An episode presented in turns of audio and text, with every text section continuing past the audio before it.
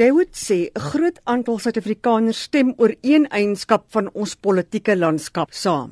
It strikes me that this consensus is clear across racial, class, other both imagined and real divisions in our society.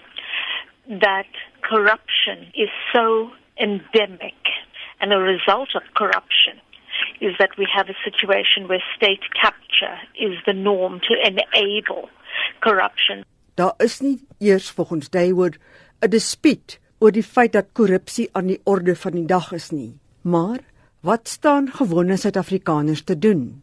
I don't think there's a simple solution.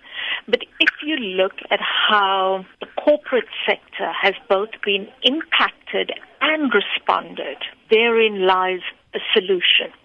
If you look at our courts and the fact that over the last couple of years, the courts have been packed with matters related to corruption, allegations against Zuma, a whole slew of issues. I think therein lies a solution.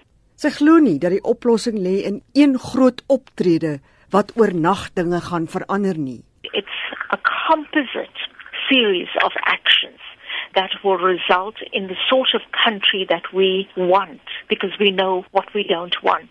When we're feeling that the picture is far too bleak, we must consider that which is happening in the corporate sector, that which is happening in the judiciary. What is civil society doing? And really, I take comfort from the composite picture rather than just looking for what that silver bullet is. And then tomorrow we're going to wake up and the country is going to be perfect. Zora Deward, die direkteur van die Sentrum vir Eenheid in Verskeidenheid by die FW de Klerk Stichting.